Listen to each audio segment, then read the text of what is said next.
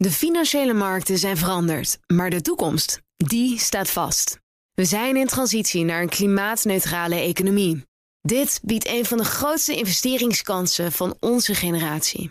Een kans voor u om mee te groeien met de klimaatoplossingen van morgen. Meer weten? Ga naar carbonequity.com.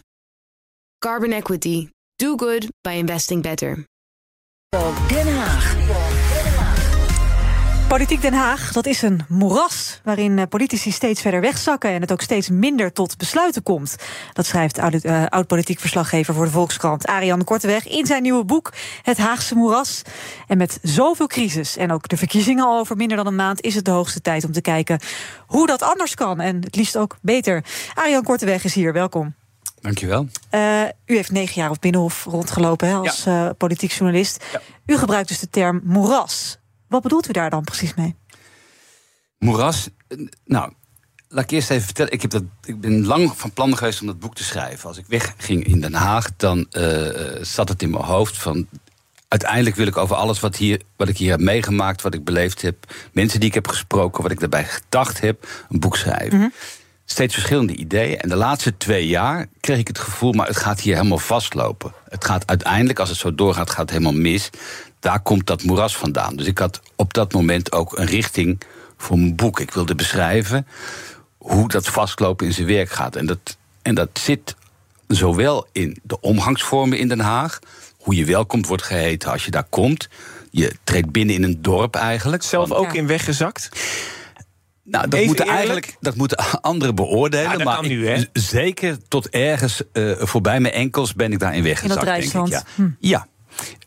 Je wordt medeplichtig gemaakt. Ik beschrijf het in het boek als een Stok Stockholm-syndroom. Van je gaat je een beetje identificeren met de mensen uh, die met jou... de machthebbers. Met de machthebbers in dit geval, ja. Dus je wordt medeplichtig gemaakt. Ze zeggen, doe als wij en kom erbij. En, en dat is wat je ervaart als verslaggever in mijn geval. Ja. En wat iedereen in Den Haag, denk ik, ervaart. Maar u zegt, ik, ik zie het helemaal misgaan. En dat wil ik beschrijven. Hè? Ja. U ziet een systeem wat niet functioneert. Dat is nogal een stelling, hè? Ja, ja het is ook nogal een toestand. Um, en dat zie je, je ziet het in de politiek gebeuren. Uh, besluiten worden uh, weggeschoven, besluiten, besluiten worden weggedelegeerd. Mm -hmm. Die gaan naar uh, mensen als uh, Remkes of Cenk Willing, commissarissen. Waarvan wordt gezegd, kunnen jullie daar alsjeblieft naar kijken? Uh, de, uh, zelfs parlementaire enquêtecommissies, het zwaarste element wat, wat de Kamer heeft om regeringsbeleid te onderzoeken, komen soms al niet meer van de grond. Dus aan al dat soort dingen zie je dat, dat het aan het vastlopen is. Je ziet het aan alles eromheen. Aan, uh, aan een ambtenarij die op een andere manier is gaan functioneren. Je ja, ziet hoe het, dan? Nou, topambtenaren zijn eerder. Um, zijn heel erg sterk politiek geworden. Dus die denken niet meer in termen van. Nou, kijk. Dit is het beste voor het. Geachte minister, dit kunt u doen aan u om de keus te maken. Nee, ze dragen uh, voorstellen aan die op politieke haalbaarheid zijn, getoetst. getoetst. Ja. Dus dat is een andere manier van, van de ambtenarij om te functioneren. Ze zijn dan de echte machthebbers misschien wel, want ze duwen dan uh, de, de, voorstellen zelf door. Ja, heel veel macht zit natuurlijk onder de oppervlakte.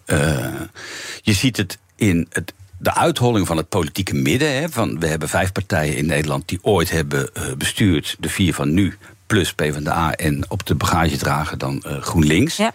Uh, die redden het al niet meer. Die zijn nu al niet meer groot genoeg om samen uh, straks een kabinet te gaan vormen. Dus dat bestel moet open. Dat wordt van buitenaf opengebroken nu.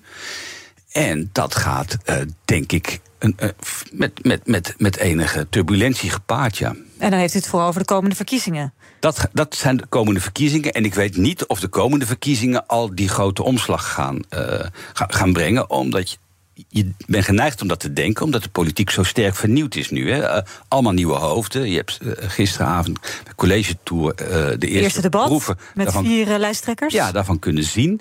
Um, dus dan denk je, goh, leuk, het wordt allemaal nieuw, het zijn andere mensen, ze praten anders. Mhm. Mm -hmm. Dat is wel de buitenkant. Ja. Dat, zijn de, dat zijn de poppetjes, dat zijn de het mensen. Het systeem blijft hetzelfde. Ja, maar Alles hoe moet het dan anders?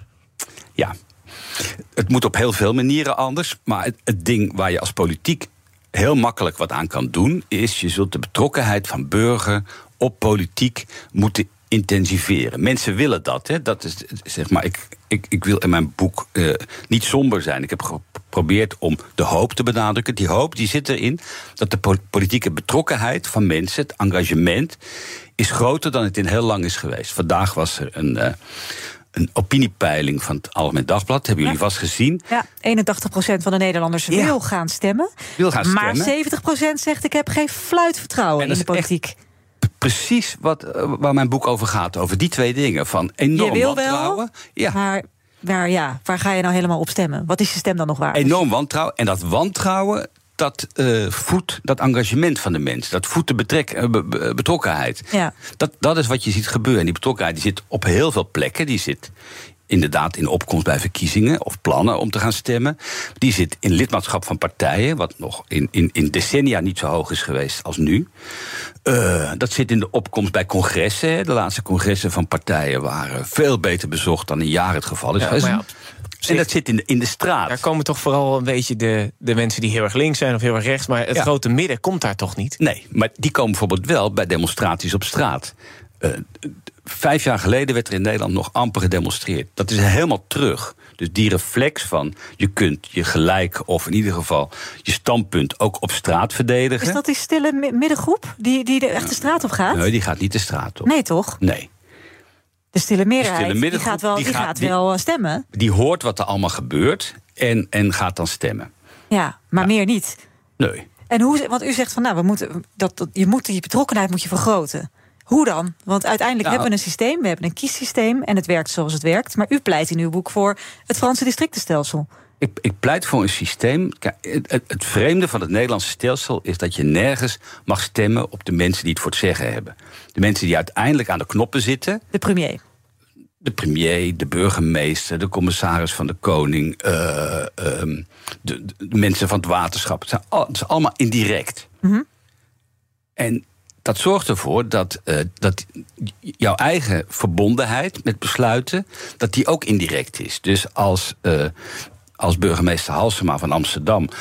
Uh, Aerocentra wil, wil, wil, wil, gaan, wil gaan laten beginnen...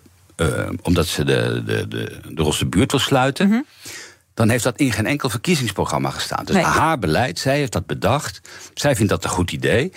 En je ziet het verzet bij de bevolking van ja, ho hoezo moeten wij daarin meegaan? Hoezo is dat een goed idee? Ja, Als je op haar had gestemd, dan had je dit geweten. dan was je verbonden met, met, met die plannen van haar. ja, dus Nou, dat is één daar- voorbeeld, er zijn er natuurlijk heel veel van. Nou ja, want uiteindelijk eh, kun je zo'n systeem zomaar veranderen. Hè? Je kijkt dan nu naar de, Haagse stolp. U heeft er lang rondgelopen. U, u heeft er nu afscheid van genomen en, en dat boek geschreven. Ja. Ja, u zegt het moet, het moet helemaal anders. Het moet helemaal op de schop. En Ja. er zullen vast heel veel medestanders het met u eens zijn. Maar ga, ga er maar aan staan. Ja, dat is Hoe dan? klus. Dat is, dat is een klus. Want dat, wa- wat heel erg meewerkt, is dat je zit nu een beetje aan het einde van een hele lange cyclus. Die is begonnen met Lubbers, zeg maar. En die gaat, is helemaal doorgegaan tot Rutte 4. eh, van terugtredende overheid en eh, steeds meer marktwerking. Waardoor de burger steeds meer op afstand is geduwd. Van, eh, eh, alles is gedelegeerd naar een overheid die het land uiteindelijk als een soort bedrijf is gaan, eh, is gaan besturen. Nou, dat zie je eh, overgaan. Dat hoor je zelfs eh, bij, zeg maar bij, de, bij de middenpartijen, bij, bij de partijen rechts van het midden. Dus de overheid gaat meer doen, gaat meer naar zich toe dat trekken? zie je al gebeuren, ja. Dat zie je bijvoorbeeld in de woningmarkt zie je dat al gebeuren. Dat de overheid weer de neiging heeft. Regie gaat pakken. Ja, om, om, om te zeggen van nou, wij gaan proberen om die woningmarkt weer in beweging te krijgen. Ze gaan eigenlijk meer besturen in plaats van managen. Ja, ze, gaan ze gaan weer meer zelf zeggen wat er moet gebeuren. In plaats van te zeggen: het is goed als het maar een beetje doorrolt. Want dat is wat de afgelopen jaren is gebeurd. Van, daardoor is alle zeg maar, ideologie uit de politiek gezogen. Daardoor zijn de verschillen tussen partijen zijn enorm afgenomen. Je had het gevoel, het maakt niet meer zo heel veel uit waar ik op stem. Want uiteindelijk kom je ergens in dat grijze midden uit. Ja.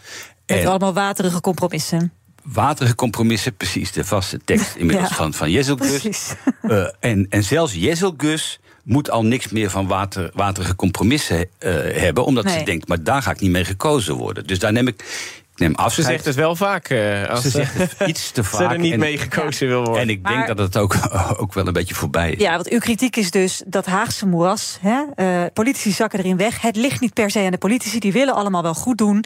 Maar door het systeem zijn ze niet meer in staat om samen gewoon crisis op te lossen, besluiten te nemen, besluitvaardig te zijn. Ja. Als ik het even heel plat sla, nou dan komen er verkiezingen aan nu. Um, er gaan waarschijnlijk heel veel mensen stemmen als we het AD van vandaag mogen ja. geloven. Dat zou dus ook wel eens een berg aan proteststemmen kunnen gaan zijn. Ja. Denkt u dat er nog straks tot een coalitie te komen is die inderdaad samen besluitvaardig is? Nou, dat, dat denk ik wel. Hè. Je zag dat debat gisteren was best interessant. Uh, omdat je ziet, Timmermans gaat heel veel stemmen op links halen. Omdat hij um, aanzuigende werking heeft. Want er is weinig concurrentie op links. Mm -hmm. Op rechts is er veel concurrentie.